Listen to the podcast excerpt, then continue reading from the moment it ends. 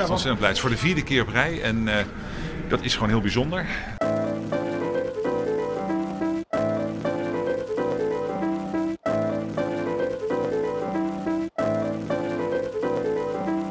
Welkom bij aflevering 8 van de Lieve Witte Mannen podcast. En vandaag gaat het over niks minder dan de verkiezingsuitslag van de Tweede Kamerverkiezingen. En ik zie hier twee teleurgestelde gezichtjes tegenover me. Ik moet toegeven dat, er, eh, dat ik liever tien jaar geleden had gewonnen toen er nog kans was hè, dat Partij van de Arbeid de tweede werd onder Samson. Maar eh, die tijden zijn helaas Die Achter tijden zijn vergaan, hè Juri? Die tijden zijn zeker vergaan. Maar alles kan her- herleven uit de as die eh, neerdaalt op de aarde. Wat de GroenLinks tegenwoordig is natuurlijk. Ik kan in ieder geval stellen dat, on, dat, in de linkse partijen er even deftig nagedacht gaat worden over Het de koers en over ja. het verhaal. eh, Het is gewoon tijd voor reflectie en eh, wat gaan we nu wel goed doen? Want dit gaat echt nergens over wat er bij de, eh, zo, wat er bij de huidige verkiezingen is Nee, gepresteerd. echt, Want dat het ook is schande, schande. Juist in het verkiezingsprogramma dat door corona juist zoveel over economie zou gaan. Hè, een jaar geleden was het nog het verhaal van links. We hebben geen goed verhaal, omdat het zo goed gaat met de economie, waardoor mensen afgeleid zijn. Eh, en juist door corona leek erop dat er structurele fouten in onze economie en, maats- en, en manier van denken. eh, nee, nee, nee, niet, niet zo. Ehm, denken eh, blootgelegd eh, werden. En dat eh, ja, daardoor een nieuwe kans voor links zou zijn om een alternatieve opvatting te, creëren. Hè. Eh, Maar ja, de Dat economische, is, dat is, en, maar dat is, niet overgaan. de economische klap die bleef nog even uit door een aantal steunpakketten. Zeker. En toen kregen we de, verkiezing, de herverkiezing van Mark Rutte. Mhm. hebben En daar kun zelf- jij wel eens met een gewoon mooie glimlach naar kijken natuurlijk. Ja, ik heb zelf niet op Mark Rutte gestemd deze keer. niet ongelukkig onder de uitslag, lijkt mij. Ehm, Je ik hebt er niet wakker van gehoopt gelegen. Dat er toch een wisseling van de wacht zou komen. En nu is die er niet gekomen. Dus ja, wakker liggen. Als je wakker ligt van politiek, dan moet je jezelf sowieso een keer even achter de oren krabben, denk ik. Vooral als het onder van, eh, van eh, boosheid is. Kijk, als je nou heel, heel enthousiast bent, dat je denkt van, oh, nou, wat zal het morgen zijn? Wat zal de persconferentie van uh, wat er morgen zijn? Prima, maar ja, nou ja, als het goed is, eh, eh, heb je denk ik te weinig dingen in je eigen leven gaande die je bezighouden. Eh, maar Al- dat... Alle politieke junkies hebben op één hoop geveegd en die kunnen zo weer Ja, dralen. ik vind het wel heel erg lullig voor al die politieke journalisten die dat, daadwerkelijk moeten, Oh, oh. wa- wacht moeten liggen hiervoor. Oh, maar, dat- maar dat is een baan, hè? Raoul, Dat dat is een baan. Gast niks bezig of zo, eh, gewoon alsof politiek je- volgen. Het is gewoon alsof je een keer een avonddienst hebt, zeg maar. Ja, precies. precies. Maar eh, ja, de uitslag. We hebben zelf wel allemaal gestemd, toch jongens? ja, zeker. Ja, zeker. Zullen we ook meteen maar uit de doeken doen op wie we gestemd hebben? Ik wil prima vertellen op wie ik eh, gestemd heb. Op wie heb jij gestemd? Ik eh, zal beginnen. Ik heb gestemd op de partij GroenLinks. Ja. Netjes naar partijlijnen gewoon. En op persoon eh, nummer 7 van de lijst. En dat is Suzanne Kruger, als ik het goed zeg. En ik heb op haar gestemd, want haar standpunt is meer treinen, minder vliegen. En daar kan ik me gewoon heel erg goed in vinden. En dat was eigenlijk En wel je hebt daar ook wel eens persoonlijk ontmoet. En ik heb met een, eh, een leuk uitje met de jonge organisatie van GroenLinks Dwars. Heb ik daar eh, een keer persoonlijk ontmoet. Ik ben ik hier naar Ja, ben ik er mee geweest. Ik ben er mee Zo. geweest. Toen mocht ik er over de kamer lopen. Ben je al En direct eh, herkend als politiek talent? eh Nee, dat een stageplek niet. aangeboden Nee, gekregen? niet. Nee. Heel pakket van dit zijn mijn politieke werken. 400 pagina's, aan dikke Dit is aan de. CAO. Zet er maar een nulletje achter. nee, nee, nee. Maar eh, ja, dat is toch belangrijk. Je kan gewoon op iemand stemmen omdat je die persoonlijk kent. Raoul, op wie heb jij gestemd? Ik heb op nummer 16 gestemd van de Partij van de Arbeid. Ik heb Partij van de Arbeid gestemd omdat ik gehoopt dat, dat eh daar met Bloemen, nou, natuurlijk niet de meest sterkste, niet, niet de sterkste eh, voorzitter die eh, de Partij van de Arbeid in tijden heeft gehad. Maar ik heb toch gehoopt dat zij een soort, nou ja, eh, een, een, baken op, op links zouden zijn, waar mensen toe zouden gaan trekken. Eh, nou ja, blijkbaar niet heel realistisch geweest. Eh, en ik heb nummer 16 gestemd, want ja, niet een reden. Hij is volgens mij de oude voorzitter geweest van de jonge organisatie. en hij heeft het IEB allemaal eh A4'tjes met een verhaaltje over zichzelf in de bus lopen gooien. Ik dacht, nou ja, waarom ook niet? Laat de jongen even wat gunnen. Oh, maar ik dacht, ik dacht je zei dat je ook op de IBB had gewoond. Maar dat is dus blijkbaar niet Ik, waar. ik weet, voor mij wel. Voor mij heeft het wel gewoond. Maar dat, eh, ik, weet, ik weet niet 100% zeker. Ik, eh, dat het wat bij voor de geest blijft. Maar uiteindelijk stem ik niet voor een persoon, maar ik stem voor een partij. Ja, je stemt altijd En- voor een partij. Ja, het is Maar het is wel leuk om op een interessant persoon te stemmen in plaats van even een lijst trekken. Want dat is altijd een beetje, Ja, dat is waar. beetje, is beetje kul als je daar maar op stemt. En Krijn. Ja, Met een grote glimlach is je weer. Jij hebt, jij hebt een verhaaltje voor ons Ja, ja, zei je je stemt inderdaad op de partij, daar ben ik met jullie eens. Dus ik heb eh, deze keer op D66 gestemd. Ik had eh, behoefte aan een iets ander geluid. Ook iets eh, kritischer over coronamaatregelen en onderwijs en hoe dat open gaat. D66 onderscheidt zich daar wel in. Dus ik dacht, daar ben ik wel fan van. Ik vind stiekem ook wel leuk en eh, ambitieus dat er een vrouw geframed wordt als premierskandidaat. D66 sprak me aan. Had je misschien niet uit mijn mond verwacht. Nee. Eh, maar ik dacht, ik wil toch liever niet op de nummer 1 van de lijst stemmen, want dat vind ik zo'n eh, zo cliché. Dus ik kijk naar die lijst en ik kom er niet uit en ik denk, nou, ik zie niet iemand waarvan ik denk van, die wil ik hebben. Mhm. Dus ik heb het lot laten beslissen. Dus in het stemhokje hokje heb ik een random number generator erbij gepakt via Google. En eh, ja, nummer 1 tot 80 ingevuld. Toen ging die genereren. Toen kreeg ik eerst kreeg ik nummer 80. Maar op nummer 80 stond Kaisha Longren. En eh, niks mis mee, maar voelt niet zo goed. Daar heb ik een beetje een negatieve associatie mee met de hele, hoe het heel raar is gegaan met het, eh, correctief, met het referendum. Het was geen correctief referendum. En hoe dat toen uiteindelijk politiek de nek om is gedraaid. Oké. Kan zij denk ik persoonlijk weinig aan doen. Maar ja, daardoor een beetje een negatieve associatie. Dus toen dacht ik, nee, oké, ik ga cheaten. Ik ga nog één keer een nummer genereren en die wordt het. En toen kreeg ik nummer 40. En dat is Ojanne Chang de Vries. Dat is een, eh, een vrouwelijke registeraccountant van, ik denk, Aziatische afkomst. Die op de lijst van D66 staat op nummer 40. Prachtig persoon. En eh, zij is heel erg voor de circulaire economie. En ze werkt als accountant graag voor scholen en onderwijsinstellingen. En ze, ja, het is een vrouw, ze is eh, van kleur. Het is progressief, ze praat voor een ander economisch geluid... waarin immateriële waarden toch een soort van eh, financiële waarde toegekend gaan worden. Dus ik dacht van, nou, ik achteraf kijken en ik denk van, nou, best wel tevreden met eh, waar het Ja, dat is wel heeft. inderdaad. Dat is Zeker, wel zeker. verhaal, ja. Maar dat is ook wel heel verrassend voor jou dat jij waarde hecht aan de, eh, de financiële waarde graag wil zien achter immateriële Nee, maar dat is het ding dus. Hè. Uiteindelijk, immateriële welvaart bestaat niet zolang er geen er- financieel... ja, als je het niet kan eh, kwantificeren. geen Ja. niet financieel gekwalificeerd wordt, anders heeft het geen waarde. nee. enige waarde zit in de markt. En, eh, Ja, maar eh, dat is zo'n raar idee. neoliberale opvatting kan je ook vormen op een soort, die kan je ook op een, positief, op een maatschappelijk positieve manier kan je die formuleren. Uiteindelijk blijft het neoliberale opvatting. Maar ja, Maar- je moet maar- wel maar- waarde toekennen. Maar dit is ook een keer eerder gebeurd. Toen ging het over, hoe, eh, over natuur. Hoe ga je dat waarderen? Het werden ook hele rare rekenmethodes toegepast over eh, wat een stukje natuur waard is. Ja, het is discutabel, maar het is En- uiteindelijk en dan werd mogelijk. het zo discutabel. Het is- wat is alles ieder, moet, ieder alles moet waarde eraan op een, fina- op een, eh, moet via geld gekwantificeerd worden en ook zo op de markt gebracht worden. Want de enige manier om menselijk handelen te, te vormen of te, of te prikkelen is via de markt. Ja, maar weet je waar me Dus dit... dit En is net een emissiehandelsrechtssysteem. Weet je waar we dit belasting, maar gewoon ook een beetje aan doet denken? Eh, Kaag en Ploemen die zaten samen bij eh, Op 1 en dan was een soort van debat. En eh, de standaardreactie van Ploemen was op elk voorstel van D66 komt zeker uit de spreadsheet. En toen dacht ik, ik wil dat, Spreadsheet. ja, uit de spreadsheet. Maar dit is een persoonlijk aanval. Nee, dat- gaan, we niet doen. nee, dat gaan we niet doen. Die kant Hier, op. deze kant gaan we niet op. Nee, maar eh, ik vond het juist een hele zwakke reactie van Ploemen. Want beleid moet je juist becijferen. En het probleem is eerder dat we dingen niet goed kunnen becijferen dan dat ze. Eh, Te vaak, te vaak becijferd worden. Dat juist Ja. beleid te vaak Ja, uit maar ik, ik denk eh, sowieso voorkomen. Dat zie je, dat zag, dat heeft Marijnissen, heeft ze op, op, heel erg links. Ze proberen eh, materiële, of in ieder geval het concept van welvaart, gewoon buiten het concept euro zou. Je moet, eh, het idee dat je alles kwantificeren in, in geld. Ze proberen heel erg een andere maatstaf te creëren, maar die hebben we gewoon nog niet gevonden, zeg maar. ja, ik betwijfel of die bedoel, er is. eh, Die is er denk ik wel die hoor. zijn er wel. Ja, Maar die zijn er tijdelijk- leven van brede welvaart. ja, maar, ja, uiteindelijk is het gewoon niet te kwantificeren nog in, in een concept, een nummer waar we gewoon op, op kunnen tellen. Nee. Ja, en dat maakt het gewoon zwak. En daarom moet iedereen op diezelfde manier spreken in vorm van centen en geld. En wat krijg je dan? Dat, Het is dat tenminste vergelijkbaar, weet is, je. is, is dat eh, eh, GroenLinks niet zijn programma dat doorle- doorrekenen door, eh, s- door het eh, Centraal Planbureau? Nee, het eh, C. Nee, nee, dat was de VVD. De VVD had het... eh, CV VVD, het planbureau niet. En de. Partij voor de Dieren doet eh, de economische Ja, niet. precies. ja, Maar, dat eh. Laten we het vandaag over de winnaars hebben. Ja, zeker. Nou ja, dus de grote winnaar, nou, dat, dat denk ik wel duidelijk, is, Mark eh, Rutte. is Niet- Mark Rutte. Niet eens, niet Ja. partij. Nee, partij niet heeft VVD. gestemd. Partij niet. Ik nee. heb, eh, ik heb gisteren eh, centraal stemmen geteld in de jaarbeurs. Eh, en eh, nou ja, eigenlijk 99% was allemaal voor Mark Rutte. Echt? Eh, maar grappig is bijvoorbeeld het CDA. Iedereen. Nou, ik denk dat... We, we hebben 3.500 stemmen hebben we doorgerekend.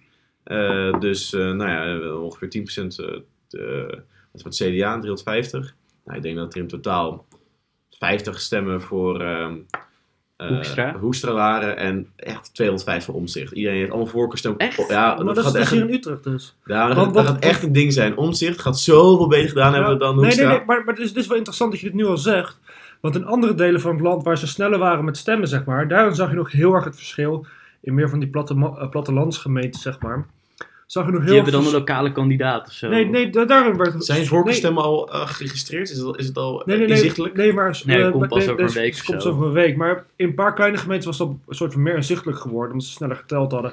Het sneller duidelijk was geworden. En daar was wel het zichtbaar dat Hoekstra juist meer stemmen had gekregen dan Omzicht. Oh, nou, Utrecht. eh, Dus, dus, dat, dus dit vind Het is ik... natuurlijk anekdotisch, want het is een ik heel wel- kleine... Ja, maar dit vind ik ook wel interessant dat, je, Ja. dat jij dan juist weer hier in Utrecht Hoekstra ziet. Terwijl- Misschien heb je wel een hele specifieke wijk waar veel slachtoffers van de toeslagen Nou, het totaal niet. We- am- eh, wat we vonden, wij hadden wijken, uh, het is voor mij hadden we drie stembureaus in Leidse Rijn en één in de Amsterdamse straatweg. Hm. De Amsterdamse straatweg die was heel klein, eh die is dan PVV. Dus zag je, dat zag, zag je de eh, gentrificatie ook heel goed, goed gebeuren. De ene helft was, eh, was PVV en SP, de andere helft was eh, GroenLinks D66. Maar, we Het is digress. wel een mooie kijkje in de keuken van het stembureau. Ja, ik best interessant. Heel interessante anekdotische stat- statistische informatie kwam eruit. Eh, maar over de uitslag steeds. De, de VVD die heeft gewonnen. Ja, eh, ik denk dat Rutte echt gewoon slim heeft gespeeld. Ze waren nog bang in de laatste week ongeveer dat het hele verhaal van hun, in, dat Safe Pair of Hands idee, dat, dat, eh, dat ze dat zouden, eventueel zouden verliezen tegenover Kaag. Maar nou, het eigenlijk toch te nieuw. Eh, Nou, maar wat was ook... In de laatste paar weken kreeg je ook heel veel reclames te zien van Rutte alleen. dat zichzelf gaan filmen met de telefoon in de straat. juist- juist, dat inderdaad. Dat hij juist mensen opdroeg om te gaan stemmen. Maar niet per se op, op zijn partij. Hij zei van... Ga stemmen, het is veilig, het is belangrijk, ga het doen. Ja, maar daarbij- gewoon de premiersbonus. Maar ja, eh, maar, maar ja. daarmee stel- stelt hij zichzelf ook boven alle partijen. ja, zeker. En had hij juist heel erg de rol aangenomen. Ik ben een premier.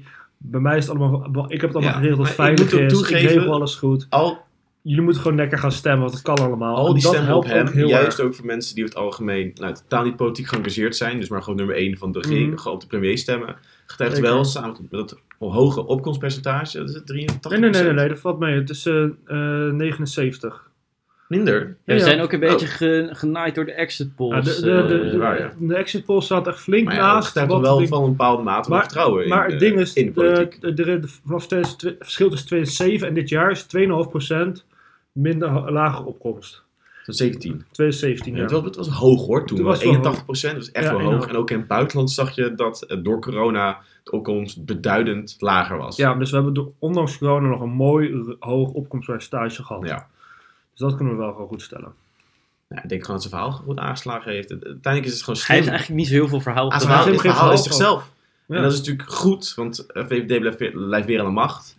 Ehm, en de partij daar waar hij natuurlijk voor staat ook. Eh, ik denk dat het gewoon eh, ontzettend billenknijpen wordt. Want nou, de gedroogde opvolger, ehm, Die is er niet. die is weg. Die, die, die was er wel, maar die is weggegaan. Maar die was het ook niet helemaal, denk ik. Niet? Nee. Nou, hij was, Dijkhoff- was, on, dus te onpersoonlijk. Hij was te veel eh, boeien. eh, eh, vibe gaf hij af. Ja, Geen, maar Dijkhoff was ook opvolger. iets, iets te, iets te bezig, zelf bezig met libera- liberalisme. En dat was meer een denker ook.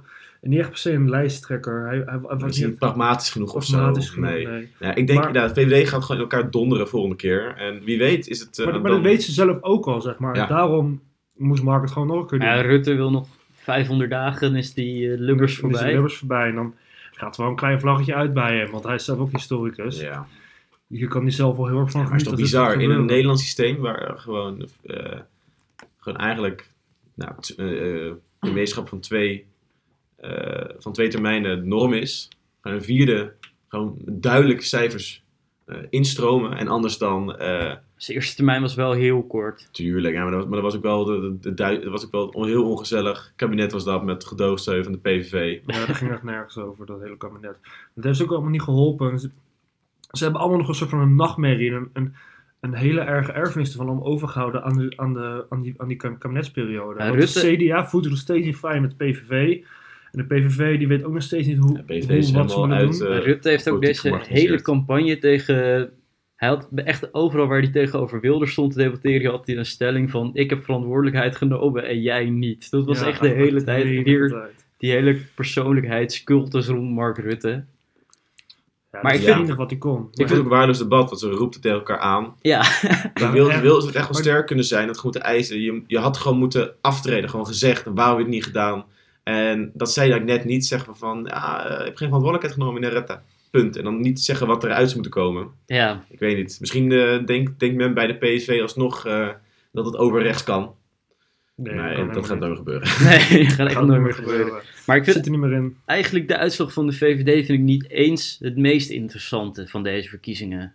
Het was twee zetels hoger dan eh, verwacht uiteindelijk met de laatste polls Oh ja. ook. Nou, ik vind eigenlijk het meest verrassend, vind ik, dat is het verhouden natuurlijk, maar D66.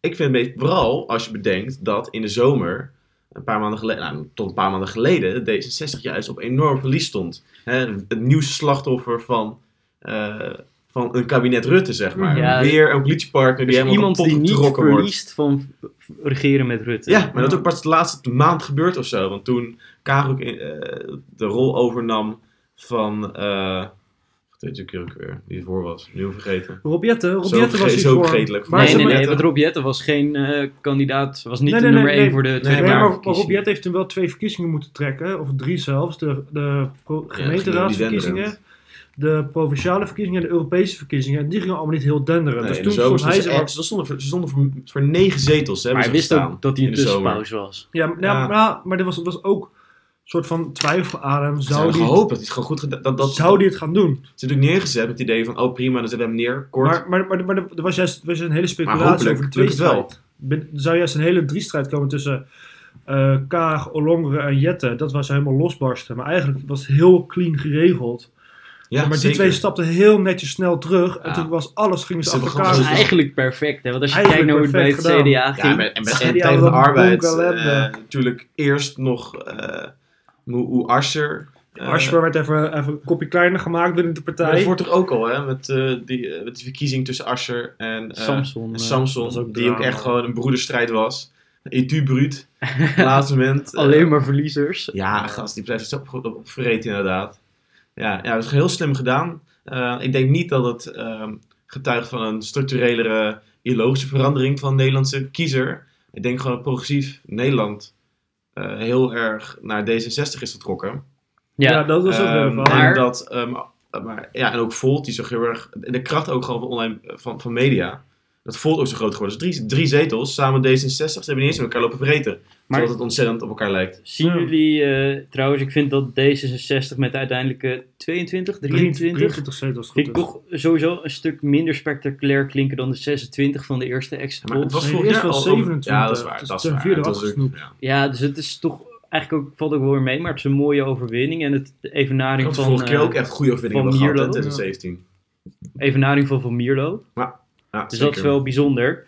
Maar inderdaad, jullie hebben het net over Volt. En eh Volt heeft een goede digitale campagne gevoerd. En bijvoorbeeld FVD ook, ook een winnaar. En tegelijkertijd zie ik dat de SP een verliezer is en GroenLinks ook. En die wijten dat allebei aan dat ze de straat niet op geweest zijn. Denken Ja. jullie dat het, deze verkiezingen, dat er een, eh, een soort van digitale winst behaald is door bepaalde partijen? Ik denk Tommy toch wel wel hoor. Eh, ik denk, want ja, ik denk, ik denk, ik denk, oprecht. De linkse partijen inderdaad doen heel veel op straat voor de SP. De SP zit echt in die wijken. Ja, de SP begon waren door, deur deur. die waren daar de toeslagaffaire ook heel erg sterk. Omdat ze gewoon heel erg vroeg in de gaten wat er gebeurde. Ehm, en ja, het feit is daar ook niks van. ehm, dat ze totaal geen.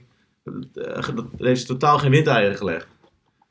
Ze hebben juist windeieren gelegd. Ja, juist. ze Ja, en, en- hebben, niks, ze hebben er niks uit gehaald. Terwijl juist een heel goede rol hadden in die toeslagenaffaire. Eh Partij van de Arbeid heeft ook, heeft ook vier jaar lang oppositie eh, gevoerd. En eh, een ehm, verantwoordelijkheid genomen. ja, maar de Partij van de Arbeid raakte ook drie, eh, twee maanden van tevoren een lijsttrekker kwijt waar alles omheen gebouwd was. Ja, Want ze ja, zaten, is, je had tuurlijk. eigenlijk een hele grote tweestrijd was, was van de Partij van de Arbeid, was die deed tussen Asscher en Rutte. Je had juist heel veel debatten al, wouden juist hebben tussen die twee, want die waren ook heel erg aan elkaar gewaagd. En die konden heel erg tegen elkaar botsen. Maar nu, met Ploemen, was het helemaal niet meer mogelijk. Dat heeft ze ook geknauwd, maar Hoezo is dat niet mogelijk met Ploemen? dat Ploemen niet per se een sterke debater is. En die zat ook helemaal niet vers in die stof. Die was, kwam een Nee. beetje soort van weer terug, want ze was...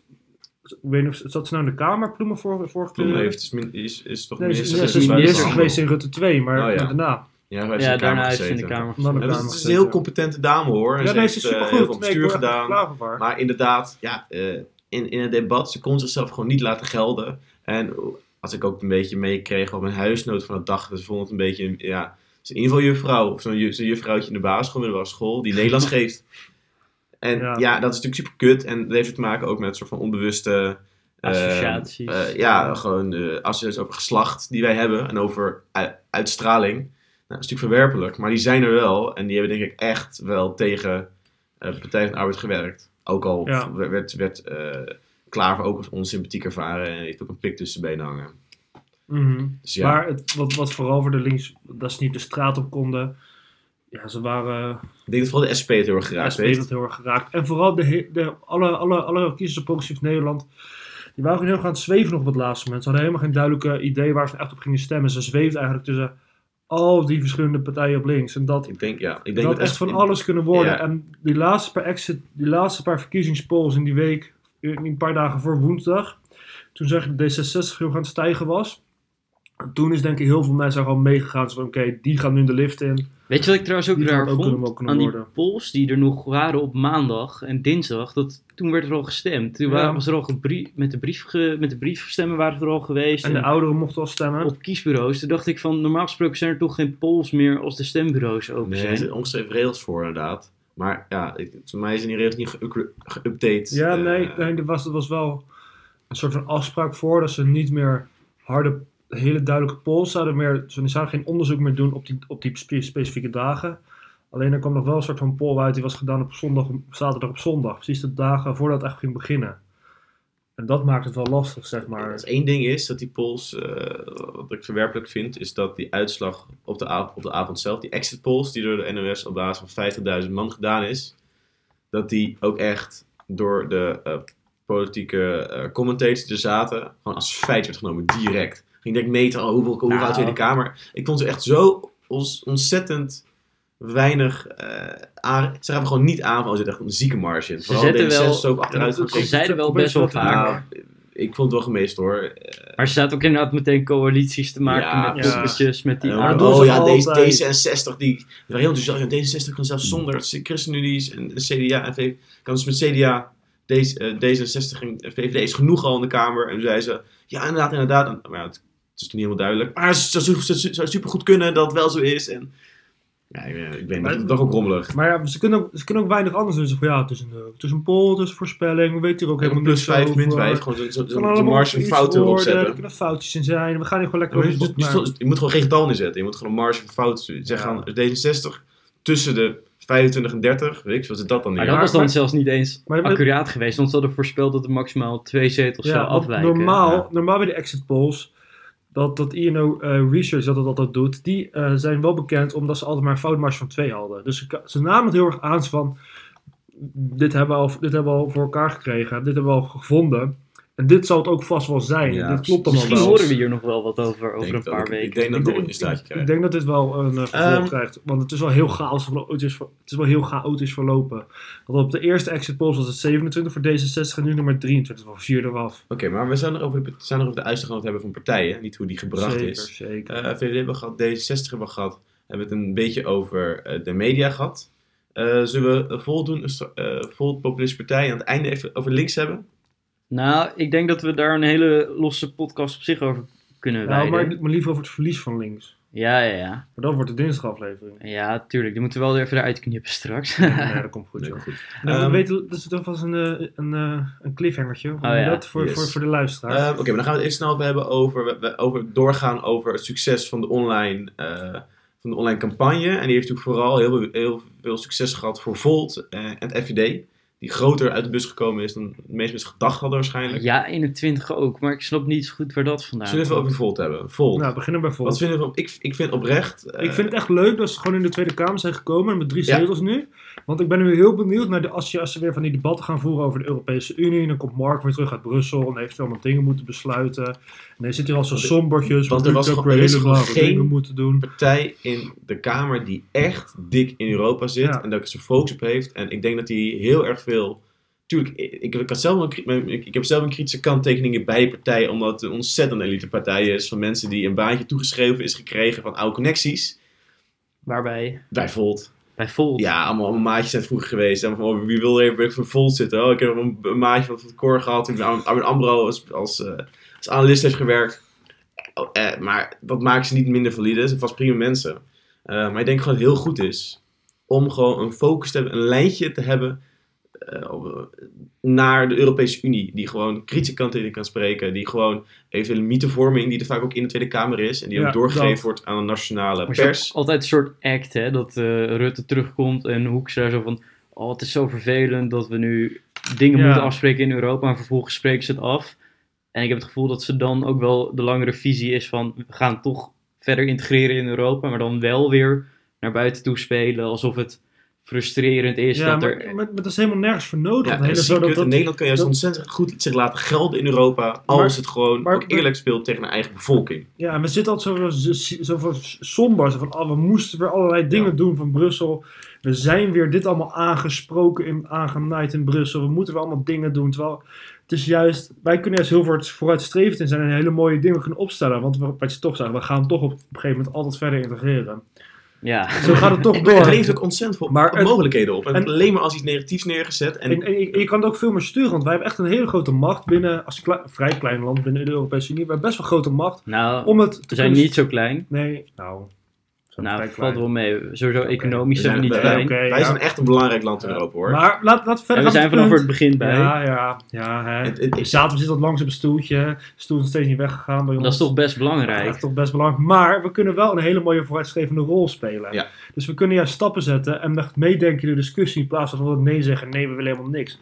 Want dat zie je nu ook in Brussel, bijvoorbeeld voor het eh, eh, COVID Recovery, eh, eh, dat herstelfonds. Ja.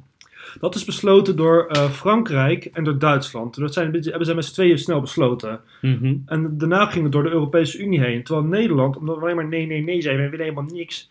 Jullie, jullie zakken hem allemaal erin. Door die mentaliteit aan te nemen, konden we helemaal niet meediscussiëren en meedenken over dat hele fonds.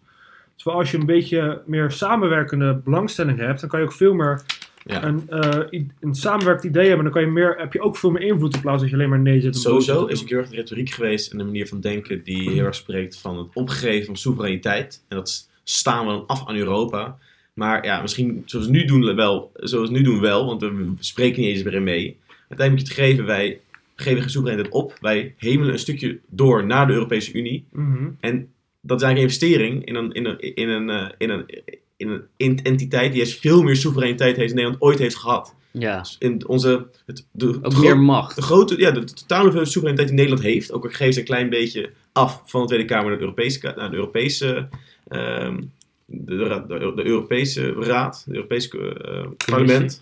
Ehm, Mhm. Uiteindelijk groeit onze hoeveelheid soevereiniteit als Nederland zijn, als burger, alleen maar meer. Omdat we meer democratische invloed hebben. Welvarender worden. We, we, Ja. we krijgen gewoon meer democratische invloed op de wereld om ons heen. Ja, en het ding is, iedereen volgt ook Als de burger, Europese ja. standaarden altijd. Ja. Wat wij in Europa afspreken als standaarden voor, eh, ja, voor, voor, voor, voor elektro- elektronische apparaten of voor voedsel of voor eh, eh, op landbouwgebied. Alles wat wij afspreken, gaat de hele wereld gaat het volgen. De, eh, de voedselwetten die wij hier in Europa hebben, volgen ze ook in Brazilië. Omdat ze- de Brazilianen heel graag willen exporteren naar Europa toe.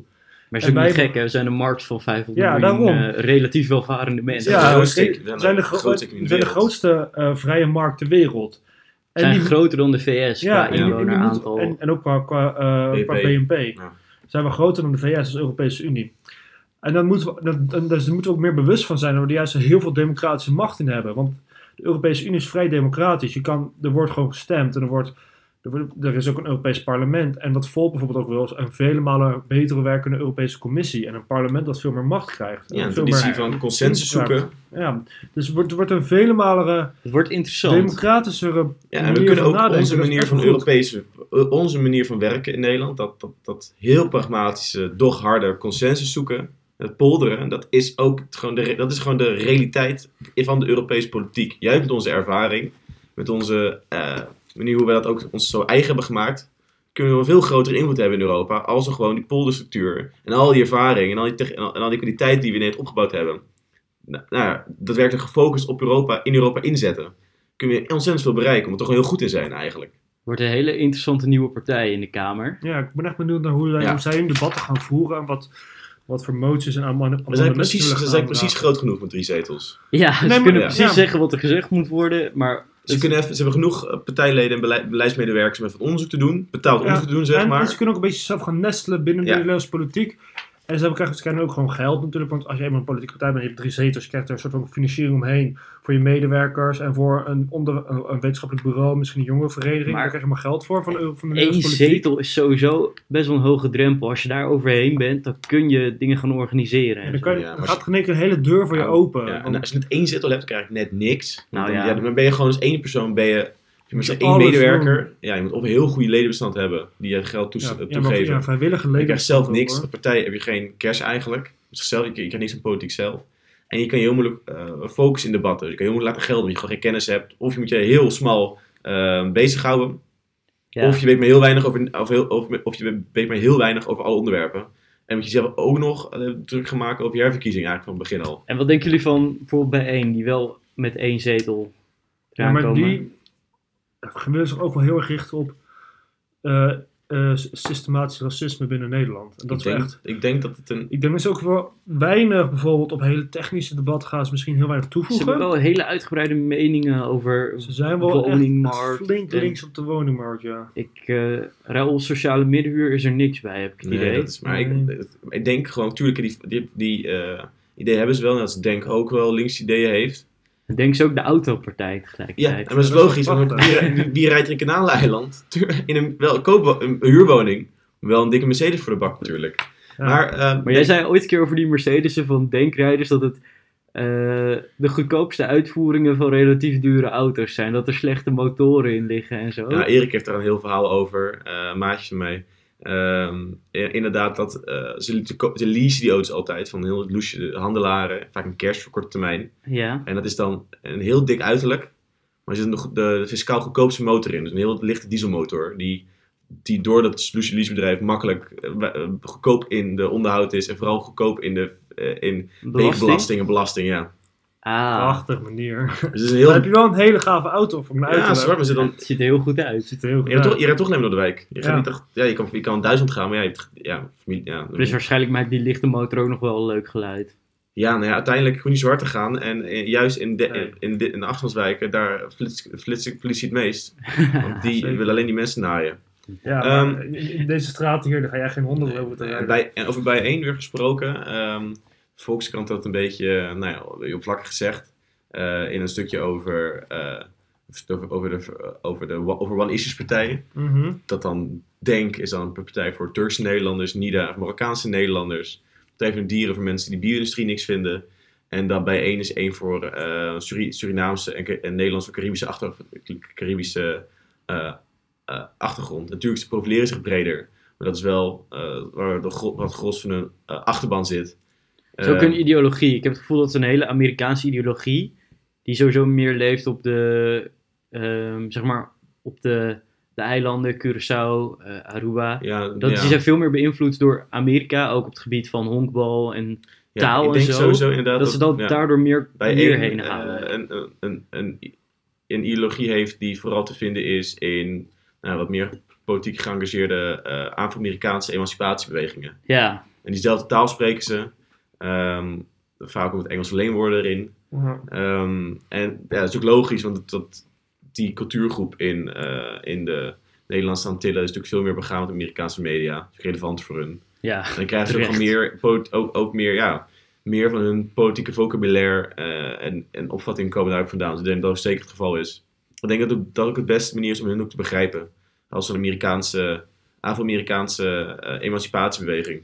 Ja, dan dat dat best schuurt heel erg met Nederlandse politiek. Ja, wel jaren toch, dat, uit- dat het hele idee van eh, identiteitspolitiek eigenlijk, eh, no- een- eh, ja, eh, eigenlijk gewoon niet mag in Nederland. Er wordt gewoon heel erg tegenaan, ge- ge- heel erg raar tegenaan gekeken. Maar ik vind juist ook mooi, in Nederland heb ik het idee dat we... Dus daarom is, ook, daarom heeft ook een verhaal anders, zeg maar. Het is niet een daadwerkelijk van, oh, wij zijn zwart, wij zijn, wij zijn trots. Eh, het, is, het is een heel inclusief verhaal. Want het moet ook wel. Je moet aanpassen aan een Nederlandse politieke context. Maar ik heb juist het gevoel dat de Nederlands politieke context is van...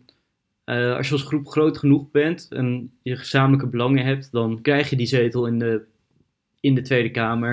En dan ga je meepraten en dan gaan we proberen op een constructieve manier dingen met elkaar te heb- maken. het is sowieso, heel erg een- eh, sowieso een beetje een, een, een- Ja, ik heb een beetje het idee dat het een beetje een, een, een- lastig puntje is. Want we natuurlijk Nederland een heel erg lange verzuilende traditie gehad. Terwijl dat heel logisch Maar was. toen werden ook dingen Ja, maar afgestemd. precies, maar en, we hebben ook on- onzuiling gehad. En heel veel partijen, zoals die dan, wat linkspartijen ook, die de doorbraak vroeger, ehm eh die heel erg voorstander was van, van de zogenaamde doorbraak. Het idee dat iedereen dat arbeiders zouden niet zichzelf moeten nestelen in eh, etnische of religieus, eh, op religie gebaseerde partijen, maar juist op hun eigen arbeiders, eh, op hun eigen arbeidsbelangen stemmen. Dus je wilt proberen van al die, eh, van de KVP en zo, proberen hun eh, de arbeiders terug te winnen. Dat is het doorbraakidee. Mhm. Dus die ontzuiling komt ook heel erg vanuit die, die, die move.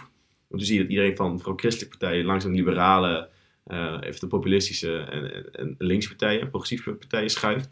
En nu zien we eigenlijk een soort van, nou ja, op een bepaalde manier een herzuiling van bepaalde groepen in de samenleving. Ja, dat is zeker Maar zichtbaar, denk ik wel. Maar wat grappig is, zeg maar, er, er wordt eigenlijk heel ongemakkelijk eh, op gereageerd in partijen die vroeger de ontzuiling eh, eigenlijk hebben aangespoord. Ja. Eh, omdat van ja, dat gebeurt weer. Maar juist wordt eigenlijk door, als het soms, dat op een bepaalde manier ook wel heel makkelijk weer in de Nederlandse eh, politieke inst- instituten glipt, zeg maar. Omdat ze eigenlijk opgebouwd zijn om eh verzeild te zijn. Dus meer politieke diversiteit past eigenlijk best wel prima in het Nederlandse ja, stelsel. Het Nederlandse stelsel is heel erg makkelijk, is, is, is heel erg geschikt voor verzuiling. Dat zie je, dat zie je in de Tweede Kamer, politiek en, en maar ook in, in de manier dat wij zo'n eh, commissie van cultuur hebben, waarin verschillende belangenverenigingen eh, heel makkelijk en vaak eh, mogen meespreken en ook invloed kunnen uitoefenen. Ik ben benieuwd. Ik denk dat we toch een, een periode van een verzuiling gaan meemaken. Opnieuw. En dat is natuurlijk ook een beetje die- waarom ook nou ja, zo moeilijk gekeken wordt naar progressieve identiteitspolitiek. Omdat het eh, wel een soort van herzuiling is. Ja, zeker. Maar, de, maar tegenover die progressieve verzuiling, dat zich ook weer echt een, die instort, zie je ook juist een hele... eh, Opkomt ook wel juist hoor. Wat zeg je? Opkomt ook wel weer. Ja, opkomt juist. Maar je ziet hem ook juist heel erg op de conservatieve kant. Ja, ja. Bij, bij rechtsextremistische partijen, zeg maar, de FVD heeft weer gewonnen. Of thans, die, die hebben weer, die hebben meer zetels gewonnen. Die hebben nu ja 21 en de PVV is nog steeds redelijk groot. Maar dat vind ik, ik vind juist dat, eh, dat vind ik niet zo'n interessant deel wat daar gebeurt. Want de FVD heeft zijn hele winst ehm, gepakt op dit moment op haat op coronamaatregelen. Zeker, en tegelijkertijd is, eh, is ja 21 gewoon de constructieve, het constructieve deel van de FVD. Wat gedacht hebben, nou met, met antisemitisme willen we niks te maken hebben. En we verlaten dit schip. Ja, Ja. dat is ook, wat ook die eh Maar, en maar Otte toen aan het begin heel erg nou ja, voorstander van is geweest. En ook echt heel veel, dus die is ook eigenlijk het ideologisch brein achter de FVD geweest. En die is ook later ook Baudet erbij gehaald. Wie? Otte, Henk Otte. Oh, ja. Henk Otte, ja. Ehm, en Die zijn nu ja 21 gejoind, hè? tuurlijk. Dus die hebben, Ja.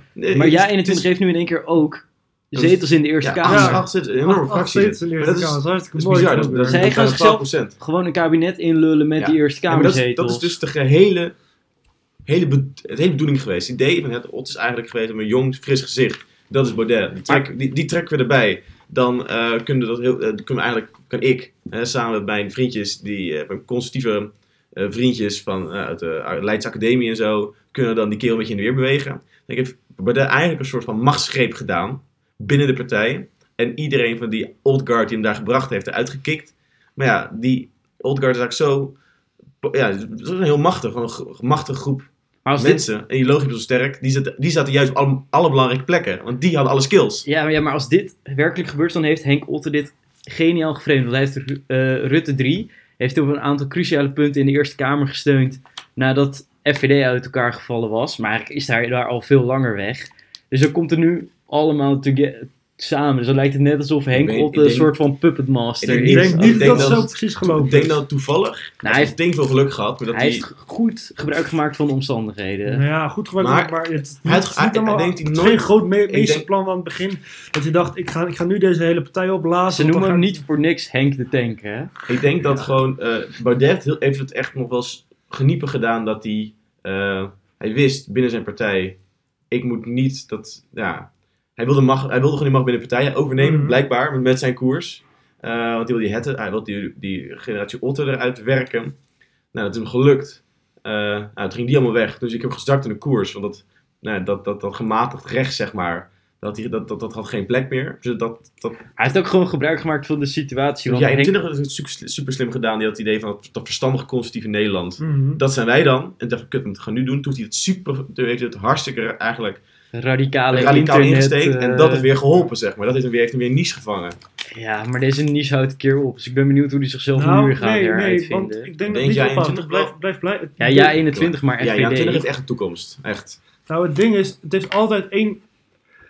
Altijd een zesde van de zetels ongeveer van mensen die gaan stemmen, die stemmen op extreem rechts. Dat is al begonnen in de jaren 90. De- op het hoogtepunt zag ik het bij de lijst eh, bij Ja, Fortuyn. 21 is toch wel een stukje gezelliger nog weer net dan... eh, Maar- maar, niet Maar veel. het is niet heel veel gezellig hoor. Zo'n Nou. Annabel Nanninga en Jood Eerstman zijn echt geen hele lieve Ja, maar als je nu terugkijkt op eh, Pim Fortuyn...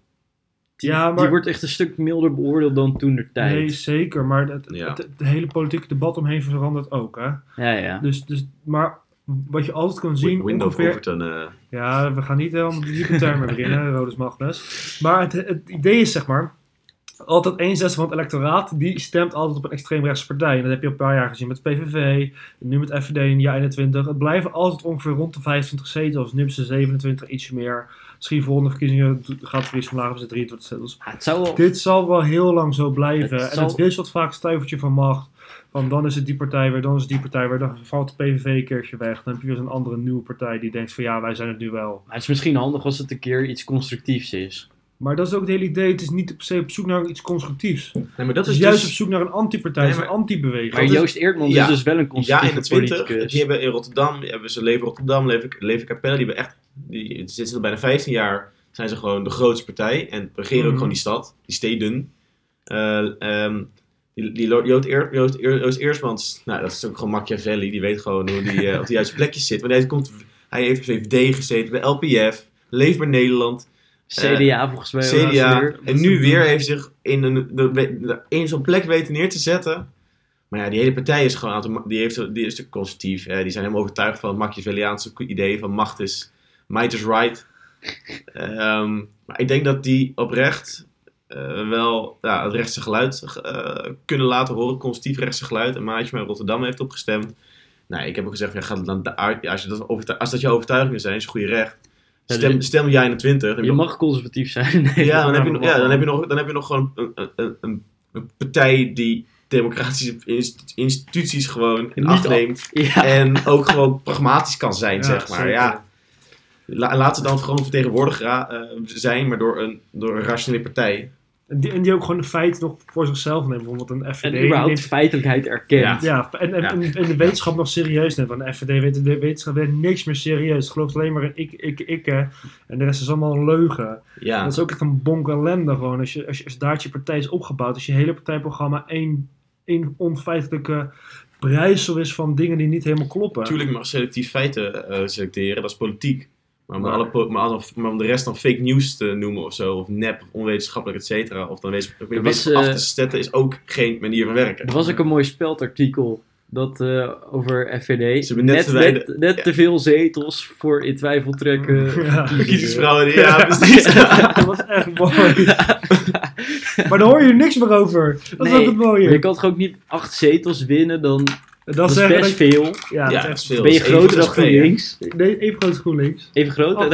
Oh, oké. Dacht steeds- sta je even groot als GroenLinks, dat is dan je grote vijand. Ik las even 8-7, maar eh, nee, nee, nee. dat is misschien alweer Het outdated. is weer, het is weer Het is niet zo dat de radicaal rechts zo groot geworden is. Het is gewoon dat links die een klein is, wat ons opvalt. Ja, Ja, links is gewoon echt niks. dat is ook een mooie conclusie, denk ik. En ik denk dat we daar dinsdag op voort gaan breien. Gaan we nog even over de co- potentiële coalities eh, spreken? Nou, dat kunnen we misschien ook nog wel. Ik denk dat we eh, het misschien voor volgende week moeten bewaren. Is want- goed, er zijn al zo'n vijf minuten. Want ze gaan eerst, eh, maandag gaan ze beginnen met verkennen. Er zijn twee verkenners aangesteld. Geert was alweer boos dat nu ook de tweede partij een verkenner mag leveren. En dat hij in 2017 als tweede partij geen verkenner mag aanleveren. Geert is altijd boos. Maar dat vind ik wel prachtig. Hij, hij, hij kruipt gelijk weer in zijn rolletje. Maar laten we dit bewaren, want hij is, dit... hij is weer eh, begonnen, schiet er weer in, hij gaat weer boos doen. Zeker. Vier jaar lang weer een mooie Geert die Lieve luisteraars, dan eh, hoop ik dat jullie genoten hebben van deze recapitulatie op een, eh, op een woelige eh, verkiezingsperiode die een aantal dagen beslagen heeft. Ehm, en ehm, dan ehm, wil ik jullie van harte bedanken van, en vanuit stu Studio Utrecht tot de volgende keer.